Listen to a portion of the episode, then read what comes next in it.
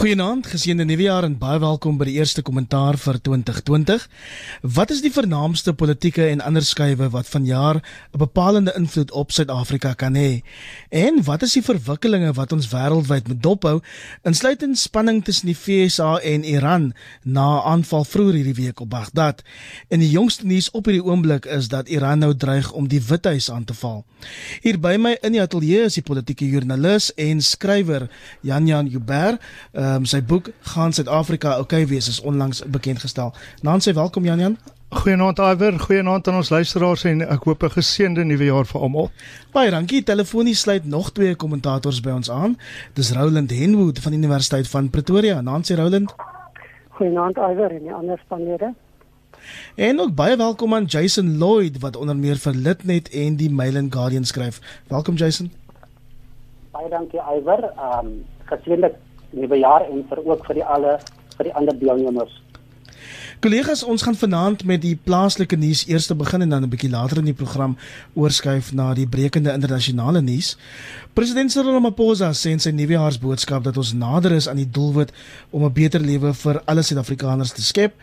Hy erken egter dat 2019 'n jaar was waarin in ons president se eie woorde die donkerste magte van ons aard moes gekonfronteer word. Jan Jan, kom ons begin deur 'n vraag op baie mense se lippe, iets waaroor baie Suid-Afrikaners wonder.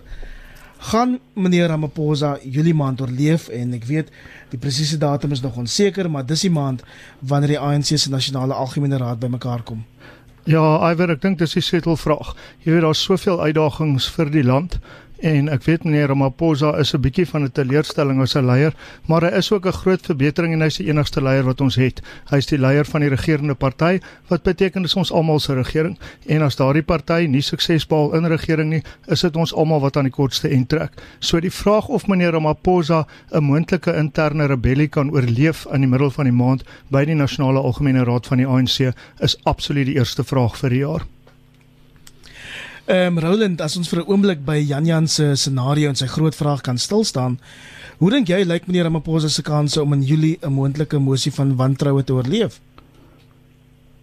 Tegnies is sy kanse goed in die sin dat dit is nie 'n leierskonferensie nie, dis nie 'n konferensie waar leierskapsverkiesing plaasvind nie, so eintlik is dit 'n konferensie wat gaan oor beleidsvordering sedert die um, leierskapsverkiesing in Desember 2017 Maar daar is stories wat loop dat van sy opponente die geleentheid wil gebruik om hom ten minste erg te verswak, as hulle hom nog meer kan verswak binne die ANC. Ehm um, as hulle dan nie van hom ontslae kan raak nie.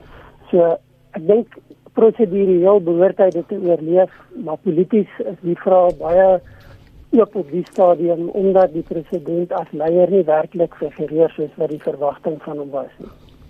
Jason, wat sê jy gaan ons politieke leier dit polities oorleef?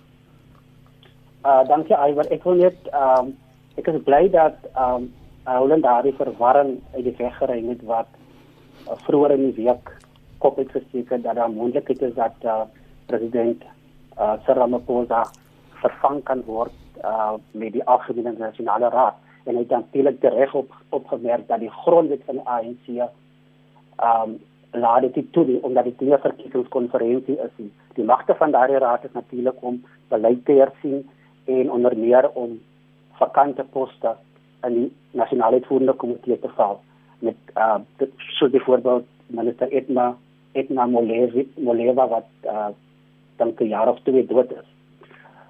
Ek dink daar's baie druk op die president. Die president is tussen 'n harde plek, um tussen 'n rots en 'n harde plek. En dat rede tot kommer omdat omdat um die hy vasgevang tussen die tussen twee faksies in die ANC. Dit is natuurlik die sy eie faksie en die fair linkse faksie wat gelei word deur meneer Isma Geshulik. So uh, wat ons wil sien van die president is natuurlik dat hy minder weifelend gaan optree en nie altyd met toegewings maak aan die fair linkse by die ANC nie. En ek moet sê, ehm um, Suid-Afrikaners het 'n punt weet as hulle sê hulle is hulle is hulle is ontevrede met die president se vordering tot op hede. Kom ons vat byvoorbeeld die kabinet wat hy aangestel het. Hy het, hy het beloof dat hy 'n verkleinerde kabinet gaan aanstel, maar toe stel hy meer adjunkministers aan. Uh so dit is kommerwekkend en daar's beleidsonsekerheid in die ANC ten opsigte van grondhervorming. Trans ehm um, ons onthou ook dat daar teen einde van 2017 as daar 'n resolusie aanvaar by die ANC se nasionale konferensie wat die reservebank moet uh, transformeer en natuurlik oor misdaad in die algemeen en die geweld teen vroue en kinders en dan natuurlik die ander brandpunt is dat staatsinstellings soos Eskom wat gaan die president doen? Uh, ons was gisteraan baie verbaas toe ons in donkerte gedompel is. So uh, ons vir ons ons verwag dat die president duidelike hieroor moet gee. En en die ander kommerwekkende ding is dat die die die die ANC die inploffing in die ANC ons onthou vir hierdie jaar is daar dat dat die ANC se administrasie en geldsaake ons nou ons ons ons onthou dat daar vir hierdie jaar byvoorbeeld uh, berig is dat oud minister Andries uh, Nel moet ingegryp het uh, in die ANC administrasie administrasie in die toelaai en nou in die aanloop tot Kersfees kon ANC amptenare nie betaling kry nie so dit skommerwekkend en ons ver, ons verwag dat die dat die president duidelik moet leiding gee nie net as president van die land nie maar ook as president van die ANC en hy moet mense soos Ysma Geshule en Nongolo Makanyane en daardie linkse groep wat um eintlik 'n klippie in sy skoene is. Hy moet hulle vasvat. So ons wil doelgerigte leiding van die president sien. Maar as ons gaan nou nie gesprek bietjie vorentoe vat en praat oor staatsbeheerde ondernemings, ons net vir 'n oomblik nog kan stil staan by president Ramaphosa Janjan. Ja ehm um, wat Jason nou verwys as hy sê dis verwarring, daar's verwarring dat die president moontlik teen julle sy pot kwyt kan wees. Kwyt kan wees, maar hy sê ook hy's vasgevang tussen twee faksies. Verwarring of is dit 'n redelike kans? Nee, ek dink nie daar's enige verwarring nie. Kyk, dit is sodat dit nie 'n leierskapkonferensie is nie. Met ander woorde, daar kan nie kandidaate teen hom gestel word nie. Maar wat oorweeg word deur takke in die Vrystaat, die um KwaZulu-Natal en ander dele van die land is om 'n mosie van wantroue aan die president te stel. Dan is hy weliswaar nog steeds die leier van die ANC, maar dan het hy geen mandaat om op te tree soos hy optree nie. So hy sal 'n bietjie wees soos Musi Maimane in die laaste bietjie van sy DA leierskap. 'n Naam was hy leier, maar almal het geweet hy het nie beheer oor die party nie. So soos wat jy eintlik iwer die onderskeid getref het, kan hy dalk um sy amp behou, maar polities sal hy dood wees as so 'n mosie van wantroue slaag. Nou sê ek net gou-gou een ander ding. En dit is daai mosie van wantroue gaan net kom as sy opponente dink hulle het die getalle. Op hierdie stadium is hulle besig om hulle berekenings te maak. Ons weet almal hulle het Retsi water getoets daai keer met Pravin Gordhan en Gwedi Mantashe in die Caucasus en dit was 'n ernstige waarskuwingsskoot en ons sal sien wanneer al die takke geaudit is. Onthou dit word deur die sekretaris-generaal se kantoor gedoen, meneer Magashuli. Dan uh, sal ons weet wie se afgevaardigd is en dan sal mens weet of daar wel 'n aanslag gaan kom. Roland 2019 was 'n rowwe jaar vir Suid-Afrika en soos die politieke ontleder Pumlani Majosi die week op News24 geskryf het, adviesrade, kommissies gaan nie 'n beter 2020 verseker nie. Verwag jy dat meneer Ramaphosa gewaagde en selfs ongewilde besluite sal neem, dringend sal neem om die land vorentoe te kan vat? Ek dink daar's twee maniere om daarna te kyk. As ons kyk na sy optrede tot dusver, dan is die antwoord nee. Maar as ons nou gaan kyk na wat is die realiteit op die stadium in Suid-Afrika, dan is die uurglas besig om baie vinnig leeg te loop. En ek sê dit nie om pessimisme aan te wakker nie, maar dit is net eenvoudig die feite van wat gebeur in Suid-Afrika. As ons gaan kyk na regering, wat op die stadium werk effektief in die regering en werk in belang van die mense van Suid-Afrika? Bittermin. Die ekonomie is 'n groot probleem. Ek dink baie belangrik is as ons gaan kyk na die nuwe jaarsboodskap van die president, dan was dit net eenvoudig net more of the same. Daar's niks nuut in nie. So die volgende ek dink drie belangrike geleenthede vir my. Wat gaan hy sê by die 8 Januarie ANC viering? Wat gaan hy sê as regeringsleier by die opening van die parlement? Dit is naby aan ons. En dan baie belangrik die begroting wat net daarna kom. Dis vroeg in die jaar. Dit is alles dinge wat gebeur voor die ANC as party insitting gaan. En daai is drie baie belangrike geleenthede wat die president kan gebruik om 'n klinkklare, duidelike, uitvoerbare antwoord te begin gee. Dit is nie meer goed genoeg dat die president vir ons vertel hy's geskok en hy's wat ook al in tand gevang. dit lyk asof hy nie weet wat aangaan nie. Dit lyk asof of sy amptenare hom mislei of sy party hom aan die neus lei en hy's nie in beheer nie. En, en ek dink dit is die boodskap wat baie dringend vanuit die kantoor van die president moet kom is dat ek is nie die president se naam nie, maar ek kan lei. As dit nie gebeur nie van 2019 waarskynlik 'n baie belangrike jaar in Suid-Afrika word omdat al hoe meer ander mense hulle self gaan aanbied om dinge te begin doen en dit gaan nie noodwendig mense binne die ANC wees nie. So dit kan 'n jaar wees wat relatief goed verloop indien die president dan kan slaag om op te tree op 'n manier wat meer vertroue wek of dit kan 'n jaar wees wat redelik onstabiel kan raak in die sin dat al hoe meer mense begin opstaan en aansprake maak op leiersposisies om te kyk of hulle nie iets anders kan doen nie.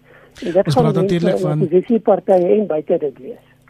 Skus dat ek jou dan in rede geval het. Ons praat natuurlik van 2020 en nie 2019 nie. Janie, ek sien jy wil reageer. Ek sien Herman Turin ja. skryf op Marilla Media. Hy verwys na president Ramaphosa as Ramanokio omdat hy 'n lang neus het soos Pinocchio. Wel, um, dis dis um, Herman is goeie vriend van my en kollega en um, Herman ek hoop van jaar is vir jou 'n jaar van beter gesondheid. Maar um, ek sou sê Pinocchio is 'n bietjie erg want dit beteken die president jok. Ek stem eerder saam met Roland dat hy nie presies weet wat aangaan nie. Wanneer ons sien hoe sterk die aanslag teen hom kan wees, moet ons onthou dat dit juist by die Nasionale Algemene Raad gaan oor beleid en dat daar spesifiek 3 stukke beleid is waar daar 'n aanval op hom gaan kom. En wanneer ons luisteraars luister daarna, gaan hulle besef hoe in die moeilikheid is. Want die een en ons gaan praat hieroor is grond. Die een is die nasionalisering van die Reservebank oor grond natuurlik onteiening sonder vergoeding en die laaste ene is oor um, privatisering van byvoorbeeld die SAL. Op al drie daai is hy inderdaad in stryd met die ANC se beleid omdat die ANC se beleid waarskynlik baie swak beleid is en baie moeilik om uit te voer as jy nie geld het nie, staat het nie geld nie. Maar dis hoekom ek sê ons moet maar weet dat hy is eintlik in die moeilikheid per definisie. Kom ons beweeg dan na die gesprek 'n bietjie vorentoe na volgende rad en ons praat oor staatsbeheerde ondernemings. En hier weet almal dat Eskom een van ons grootste probleemkinders is, soos Jason vroeër reg opgemerk het gisterand laat het ons gesien hoe beerdkrag heringestel word ten spyte van die president se belofte ehm um, dat die ligte tot minstens 13 Januarie sal aanbly. Jason, het jy die indruk of of of voel jy gemaklik in jou binneste dat daar 'n konkrete plan op die tafel is om die energie energiekrisis te beredder? Nee, Iver, ek het nie uh van onthou dat daar was verwagting gewees uh dat daar uh druk op die grid geplaas gaan word uh, sodra die nywerhede terug gaan byvoorbeeld fabriekswerkers terug gaan werk toe. En daar was was uiteindelik was daar nie 'n duidelike plan om hierdie uh, druk te mitigeer nie. So vir my as daar duidelike bewys dat dat dat daar nie 'n duidelike plan is nie. En ehm um, uh, ja, die president kon nie gisteraan uh, vir ons uh, duidelikheid gee nie en en hy het nog nie die nasie toegespreek om te verduidelik hoekom is ons verlede, hoekom is ons gisteraand in die donker gehou nie. Maar al hierdie dinge uh um uh uh, uh, uh Iwer um um, daar gaan daar gaan 'n kabinet negota wees daar gaan 'n Januarie uh, uh, uh, verklaring van die ANC wees. Um, en daar gaan natuurlik 'n openingsrede uh, van die president wees. Maar my oog is eintlik gerig op die op die uh, begroting wat ge, wat gelewer word deur Tito Mboweni. So wat gaan hy wat gaan hy byvoorbeeld aankondig? Van ons weet die ekonomie is onder druk. Ons weet dat die ekonomie minder as 1% uh, groei. En dit gaan nog vir die volgende 5 tot 6 jaar toe wees en en ons weet dat die bevolking teen 1.5% groei. So dit dit beteken ons word armer ons word, word ons ons word armer uh, elke jaar. So hoe gaan die hoe gaan Tito Mboweni daarop reageer? Ehm um, vir my is daar drie as daar drie drie beweegruimtes.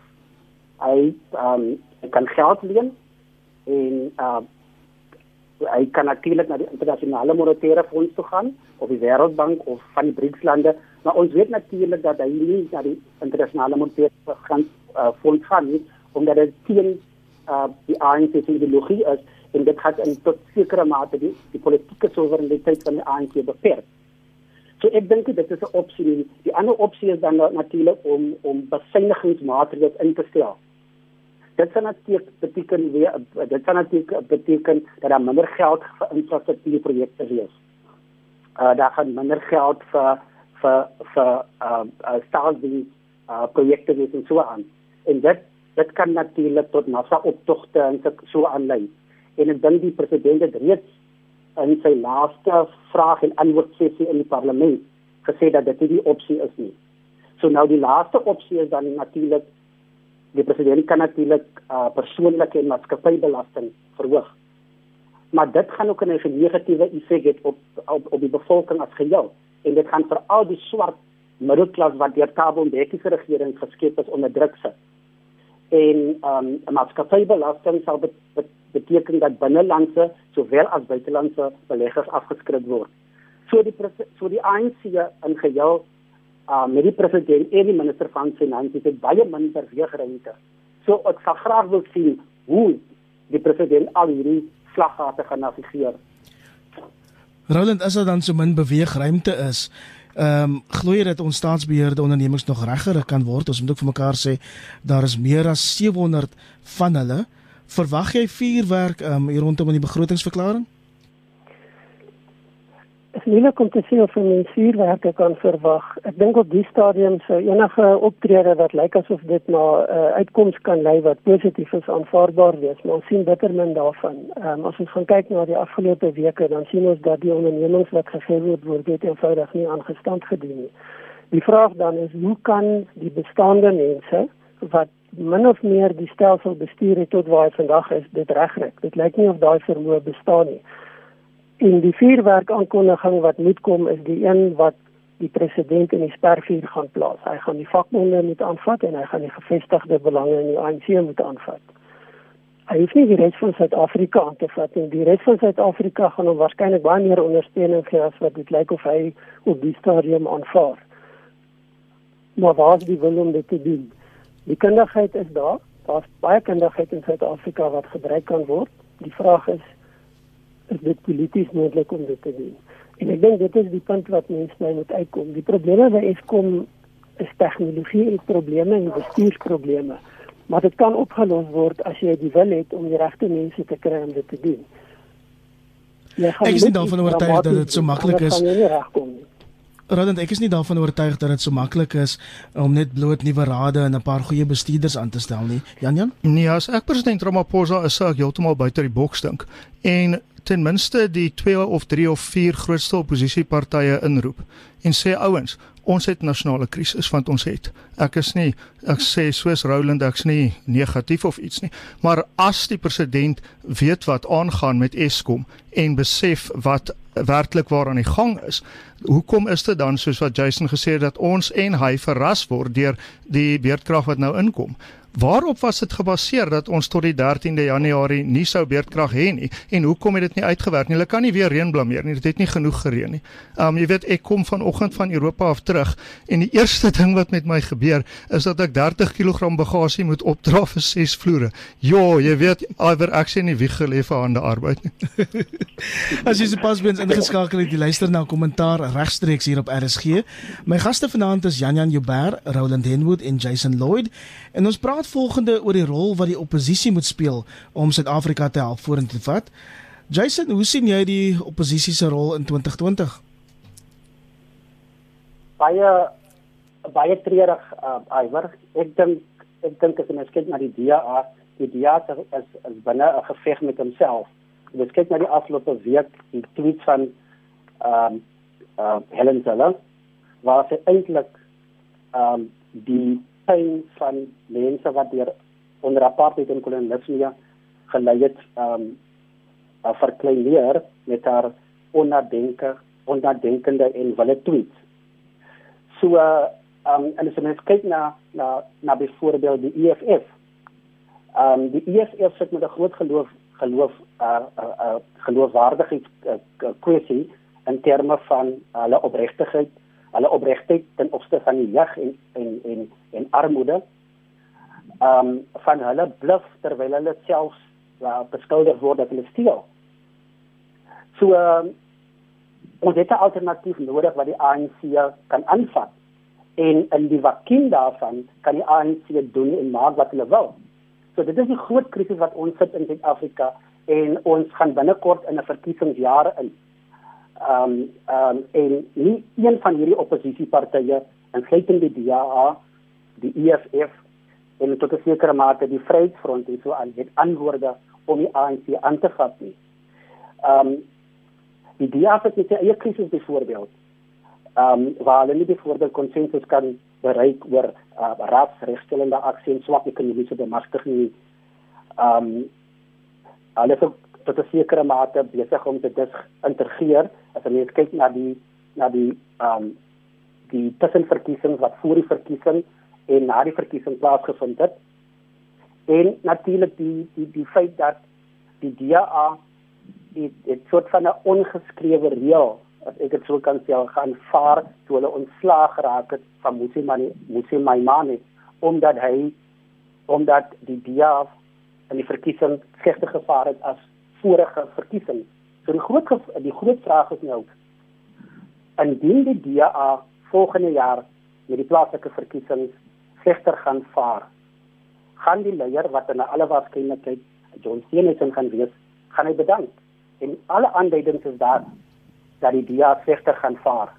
Ehm um, in volgende jaar se verkiesing en natuurlik in 2024 se algemene verkiesing. Roland ek dink die um, oppositiepartye is almal in 'n breekie wat baie moeilik is om op die stadium te hanteer. Ehm um, die DA het met interne probleme. Uh, baie belangrik vir die DA in 2020 is natuurlik die federale beleidskongres wat oor 'n paar maande plaasvind wat waarskynlik as mens na die partymense luister, hulle hoop dit is die geleentheid wat hulle gaan help om bestendigheid te kry en 'n toekomsvisie te kry wat hulle kan vorentoe vat. EFF is pas deur 'n konferensie ehm um, vir veranderinge, maar die aanduidings is nie baie goed nie. Mens sal sien waar hulle gaan. En dan so kan ons nou deur die kleiner oppositiepartye gaan. Hulle het alkeen hulle mis waar op hulle werk, maar daar's nie veel aanduiding dat daar iets gaan gebeur nie. En wat waarskynlik belangrik gaan word is dat partye nader aan mekaar beweeg en, en meer met mekaar begin saamwerk. Ehm um, die punt wat Janja net nou gemaak het rondom Eskom. Ek dink daar's ander aspekte ook wat waarskynlik partye gaan loop om bietjie meer 'n konstruktiewe rol te speel. Ek dink mense moet wegkom van die punt waar jy oppositie is ter wille van oppositie. Uh, ons sien dit oral in die wêreld is dit 'n 'n 'n norm van oppositiepolitiek en natuurlik in Suid-Afrika reaksie tot tomate op die politiek wat ontwikkel het as amper jare son politiek. Nou dit alles of niks. Daar's nie meer 'n middelgrond nie.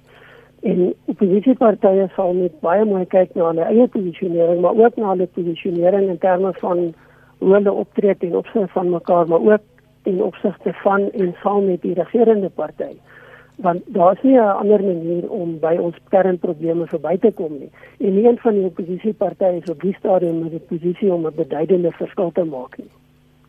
Janjan, jy skryf in jou stuk op Netwerk 24, al drie van ons sterkste oppositiepartye is in 'n dalende traject en baie oppositiekiesers is met reg bekommerd oor waar hulle hulle krisis volgende moet trek as ek nou na beide Jason en Roland luister, klink dit maar donker hoor.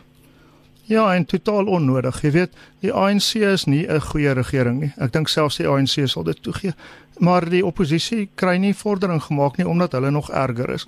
Ek bedoel wat 'n mens nodig het is soos wat meneer Ramaphosa uit die boks uit moet dink en sy beste ekonomiese opponente binne die politiek moet vra wat wat sal julle doen?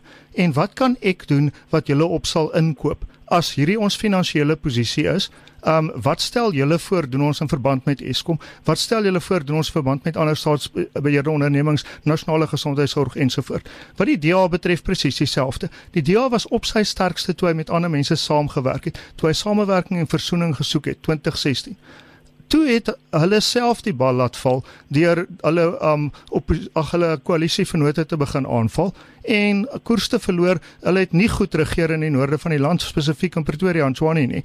Um dis hulle eie skuld. Dis niemand anders se skuld nie. Hulle het nie die mas opgekom nie. En nou lyk dit of hulle in 'n tipe van 'n galbitter ekkokamer is waar hulle net met hulle self praat al hoe meer onaantreklik word. Ek sê nie mense gaan nie vir hulle stem nie. Natuurlik gaan baie mense vir hulle stem want vir wie anders moet baie mense nou stem. Maar nie met die tipe van ywer en opwinding van die verlede nie en dit gaan vir hulle bitter moeilik wees om te groei want soos wat hulle op die oomblik te kere gaan. As jy kyk na wat Helen Zille byvoorbeeld op um Twitter gesit het. Daardie spotprent in verband met die um swart man in rooi en die blou man in ag die wit man in blou wat praat oor verkrachting en oor grondhervorming, dan is dit so dat um dat sy seker vir haar en vir haar kerngroep 'n vreeslike lekker punt gemaak het. Maar wat is die gevolge daarvan? Het hulle een stem bygekry as gevolg daarvan? Het hulle nader beweeg te aan om met enige iemand, die ANC, die EFF, enige iemand saam te werk? En indien nie, is hulle besig om die nasionale belang te dien? Kollegas, voor ons die 2020 gesprek na buitelandse brandpunte verskuif, Wat is die een groot ander kwessie waarna ons nog nie geraak het nie wat wat julle van van jaar dophou? Ek besef dit is moeilik want daar's soveel dinge op die sakelys. Ek weet die sondekommissie is hoog op die agenda, nasionale gesondheidsversekering, um, grondonteiening sonder vergoeding. Jason, ons begin by jou. Uh, Iver, ek wil 'n bietjie ek wil 'n bietjie uitkyk na Afrika toe. Ehm um, die wêreldvoedselprogram het uh, ek dink op die eerste het hulle het hulle ehm um, verslag bekend gestel wat daarom dui dat 46 lande wêreldwyd geïdentifiseer is wat uh binne die volgende 6 maande moontlik deur hongersnood ehm um, uh geraak gaan word.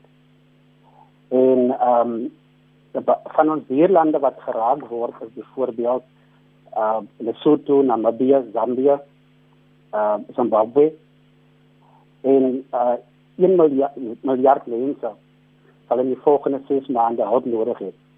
So die vraag die vraag wat hulle gevra het en hulle het 'n spesifieke beroep gedoen byvoorbeeld op regerings. En ek sal wonder wat Suid-Afrika uh wat sou Suid-Afrika se reaksie hierop is van die wêreld uh voedselprogram het byvoorbeeld uh 141 miljard nodig om hierdie lande te help. En ons weet natuurlik as hierdie lande nie gehelp gaan word nie, wat die gevolg gaan wees dat daar moontlik mense oor die grens kan kom um Suid-Afrika toe en ons weet ook dat ons grense word te goed beman. So dit kan 'n probleem wees en ek sal graag wil hoor of of, of sien hoe die ANC en die president spesifiek in sy staatsrede um hierop sal reageer. En Suid-Afrika het hierdie week juis die voorsitterskap van die Afrika Unie ingeneem. Roland, wat is die een kwessie wat jy vir 2020 ook nog dophou? Ek dink as ons kyk binnelands in Suid-Afrika is die brandpunt vir my is beleid en dan wat gaan gedoen word in terme van beleid. As ek dit miskien kan bymekaar trek as ons kyk na die die lysie van goed wat ons reeds na gekyk het. Dit lyk asof die benadering vanuit die ANC en die regering is om al al meer te probeer beheer en hoe meer hulle dit probeer doen, hoe minder word daar bereik. So hoe beleid hanteer word en is dit moontlik en gaan die ANC besef dat hoe groter hy gaan, hoe minder gaan hy regkry kom terug na realistiese beleidsprosesse en en en hantering en ek dink dis 'n baie belangrike aanduiding. Dis 'n krisisjaar in terme van regering in Suid-Afrika. En daai is een van die belangrike aspekte wat vir ons kan aandui of daar 'n realisme is en of daar net eenvoudig soos in goeie Afrikaans sê daar's nie brieke nie. Janjan? Ja, ek Ver, skus, Iver, ek stem saam met jou. Um daar die drie goeters wat jy genoem het, maar hulle is eintlik in mekaar vervleg. As die Zondo-kommissie voortgaan en as daar um, vervolging spruit daaruit van die nasionale vervolgingsgesag uit van spesifiek Ysmagashuli gaan dit die president se posisie baie versterk en gaan dit vir hom baie meer krag gee om sy tipe van beleid in deur te voer omdat hy dan nie eintlik 'n opponent in die ANC by name gaan hê nie. Dan wat gesondheidsversekering betref, moet die DA kyk na wat die EFF voorstel. Ek dink dat die EFF, die DA en die Vryheidsfront Plus is nie baie ver van mekaar af nie en hulle kan 'n belangrike knyptang op die ANC plaas. Maar die ander ding, grond, gaan die DA en die EFF, ag die DA en die Vryheidsfront Plus gaan moet kyk hoe kan hulle die ANC oor 2/3 kry met 'n tipe verandering wat Ramaphosa sal red, maar nie die ekonomie sal vernietig nie as hulle niks gaan doen nie. Op die oomblik is hulle standpunt om net teen alles te stem. Um die die, die DA en die Vryheidsfront Plus. En die DA sal nie sonder die Vryheidsfront Plus um jy weet na die ANC toe kan gaan nie want anderster verloor hulle nog stemme na regs. Maar as hulle dit kan doen, gaan hulle die land baie beter uh posisioneer. Hulle gaan die ANC nie dwing om met die EFF saam te werk nie en hulle gaan meneer Ramaphosa se posisie versterk. Kollegas nou vir buitelandse nuus hier op kommentaar en politieke onsekerheid in veral die FSA en Brittanje kan globale konflikte beïnvloed. Hoofnuus wêreldwyd vanaand is juist dat president Donald Trump aangekondig het dat die FSA slaggereed is indien Iran enige van sy landburgers op basis sou aanval. Ons het 'n rukkie gelede gehoor dat Iran sê hulle is bereid om die Withuis aan te val en Amerika moet dit beskou as in Iran se woorde 'n oorlogsverklaring. Jason, ons begin by jou. Ek sien wêreldwyd is daar nou vrese van 'n derde wêreldoorlog.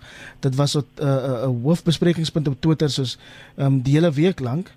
Ehm um, wat voorspel jy? Kyk op die huidige oomblik ehm um, as ons nou die standpunt van Iran en afneem, dreig daar 'n derde wêreldoorlog. Maar kan ek net onmiddellik sê dat ehm um, uh, ek dink daar's konsensus veral in die uh, veral groot lande soos Brittanje, Frankryk en so 'n konsensus dat generaal Soleimani uh, 'n gevaarlike individu was en wat bloed op sy hande het. Maar in hierdie geval het die Amerikaanse president wat uh, opdrag gegee het dat hy moet vermoor word, verkeerd opgetree en hy het nie die gevolge in in in ag geneem nie die olieprys het byvoorbeeld net 4% gedaal of gestyg liewer gestyg en dit het natuurlik 'n ekonomiese ripple-effek wêreldwyd veral vir ontwikkelende lande en dit in in um, in Suid-Afrika. En nou daar was uh, in die aanloop tot die tot die tot kersfees in die nuwe jaar was daar bespiegelinge dat die dat die petrolprys uh, gaan daal. So ek weet nie gaan ons nog 'n daling in die petrolprys sien met die oor die oor die prys wat die hoogte ingeskiet het. En ehm um, ja, en mens moet natuurlik mens mens natuurlik verwag dat Iran so sal reageer. Uh, maar dit is natuurlik nie wys om so te reageer nie en ek dink die oplossing wat ons hier moet kry is dat die die die die Verenigde Nasies se Veiligheidsraad dink ek moet hier ingryp en onmiddellik moet daar op basis van konsensus besluit word watter ehm um, watter uh watter 'n uh, uh, pad moet geneem word om hierdie uh, dreigende situasie te be, te bevleg. Ehm um, en ek wil ook sê dat die Iranse weermag uh vir al die vloot en die in die in die lugmag is nie opgewasse om die Amerikaanse weermag aan te vat nie omdat hulle wapentuig eenvoudig net uh, verouderd is en ehm um, en dan sit hier so en dan sit hier met 'n situasie indien daar 'n oorlog gaan uitbrei gaan daar 23 miljoen Iranese uh onskuldige Iranese hier onder lê. So uh, ons het ons het uh, ons het uh, uh ingryping van die Verenigde Nasies uh nodig. En natuurlik is daar ook bekommernis oor die reaksie van die Britse minister van binnelandse of buitelandse sake Dominic Raab wat nie wil pertinent gesê het dat uh, dat dat, dat oorlog nie 'n antwoord is nie.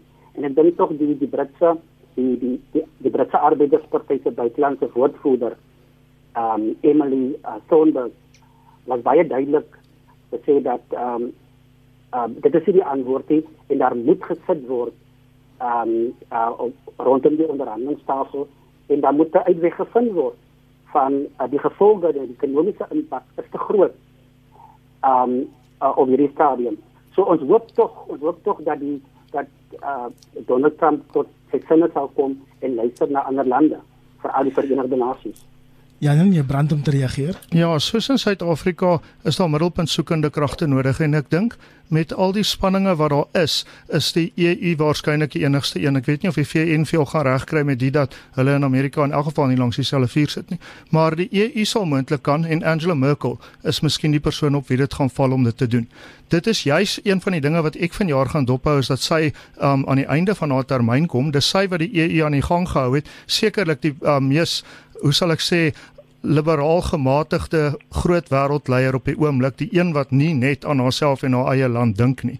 So, um as jy kyk na die opkoms van nasionalisme amper oral, nie in Kanada nie, maar in amper elke belangrike ander land, waar jy sit met Donald Trump, jy sit met Boris Johnson, jy sit met Morrison in Australië, jy sit met Putin in uh, Rusland, dan is nasionalisme is besig om op te gaan. Jy sien dit selfs in ons eie land. En mense um gaan nasionalisme altyd ondersteun, sommiges en sommiges nie. Die punt is dat as nasionalisme die dryfkrag word, lei dit gewoonlik so er, um leer die wêreldgeskiedenis vir ons tot oorlog. En wanneer daar oorlog is, is daar vernietiging, geweldige ekonomiese verlies en die vernietiging ook van gesinne ensovoort. So ek hoop maar dat ergens 'n koelkop beide in ons eie land en oor see gevind sal word, maar dit gaan moeilik wees en as Merkel eers weg is, weet ek nie wie gaan daai tipe balans handhaaf nie. En Roland daai koelkop is bes, beslis nie president Donald Trump nie. Ek sien hy tweet om te sê Amerika die grootste, duurste, beste wapens en dan Iran sê vanaand um, Donald Trump is basies 'n terroris in 'n in 'n pak, in 'n pak klere. Ehm um, wat voorspel jy? Ja, ek ek, ek dink dit is hoogs spannend en die gebeure van die afgelope klompie dae was hoogs onverwags en ek dink dit is daar's twee belangrike aspekte hier. Dis onverwags en dit was 'n verrassing vir baie mense en dan die senior die die feit dat daar 'n aanval was is nie net dit gebeur voortdurend en dit gebeur van albei kante af. Maar ek dink die vlak van persoon wat geteken is en, en as ons kyk na die beskikbare inligting dan lyk dit asof dit 'n doelbewuste tekening was. Ehm um, daar's 'n sterk argument wat gemaak word dat die resultate van wat nou gebeur het is eintlik beide regerings het baie belangrike foute gemaak in hulle beoordeling en het eintlik 'n situasie geskep wat hulle nie voorsien het nie, nie regtig wil hê nie. So of daar 'n werklike groot oorlog gaan uitbreek is op die stadium onwaarskynlik. Dit is nie onmoontlik nie, maar dit is onwaarskynlik, maar baie definitief verhoogde spanning En dan interessant, ek dink die belangrikste eerste aanduiding wat hier uit gaan kom, ehm um, as Iran nie onmiddellik reageer nie, en die aanduiding is hulle gaan nie onmiddellik reageer nie, kan hierdie waarskynlik die einde wees van die VS se betrokkeheid in Irak.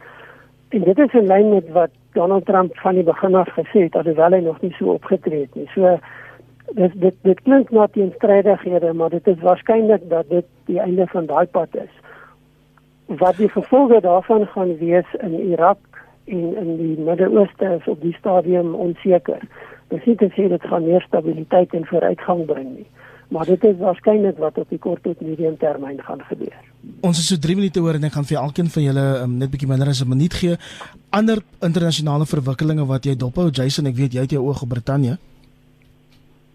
Um ek wil net noem dat um dat uh die, die daar's 'n belangrike verskynsel in die wêreld dink ek dat ehm uh, uh uh dat die kiesstelsel, die beide die Amerikaanse kiesstelsel uh uh die beide die Amerikaanse die Britse kiesstelsel, is die demokratiese in ander woorde die uh die, die eerste minister uh in die Amerikaanse president word het nie as hulle wenner deur die meerderheid kiesers uh gekies nie. En um, ek wil graag 'n punt maak oor die oor die verkiesing wat verlede jaar plaasgevind het, is dat net 44 uh, 44% van die Britse van die Britse kiesers het vir die Tories byvoorbeeld gestem.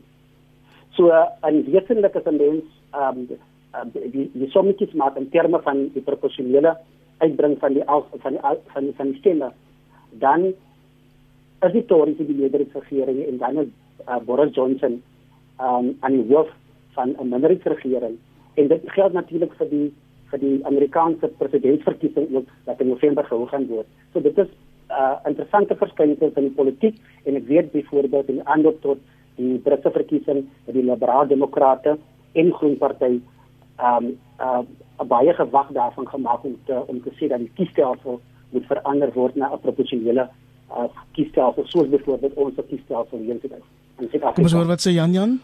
Ja, ek weet nie of daar enige kans is dat daai twee stelsels verander gaan word nie. In Brittanje is daar geen druk om dit te doen noemenswaardig nie, is maar net wanneer die partye verloor wat hulle so sê. En dan in Amerika word um ek dink ek kan nie onthou of dit 2/3 so 3 kwart meerderheid is wat vereis word om daardie uh, tipe van uh kieskollegie stelsel te verander waar um state verskillende vlakke van verteenwoordiging het, maar in effek het jou kleiner state is bietjie oorverteenwoordig. Nou as dit so is dat uh, um dat soveel van daai klein state oorverteenwoordig word in die Senaat byvoorbeeld gaan hulle beslis nie wil hê dit moet verander nie want hulle minder mag en sê.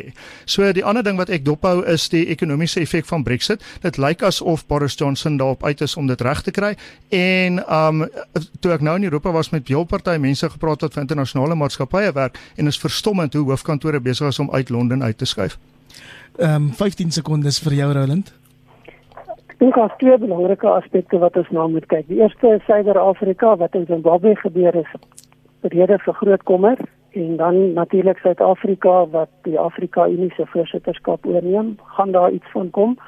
En dan die ander punt miskien ons moenie vergeet van Suid-Amerika nie. Dis 'n streek wat op die stadium met groot potensiële onstabiliteit sit en groot uitdagings sit en dit kan ook 'n groot effek hê op ander plekke in die wêreld, nie net in terme van die spesifieke plekke wat direk geraak word nie.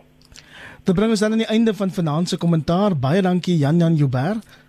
Dankie Iwer, wat 'n plesier. Roland Henwood van die Universiteit van Pretoria, Nancy Roland. Dankie Iwer, goeienaand. En dan ook Jason Lloyd.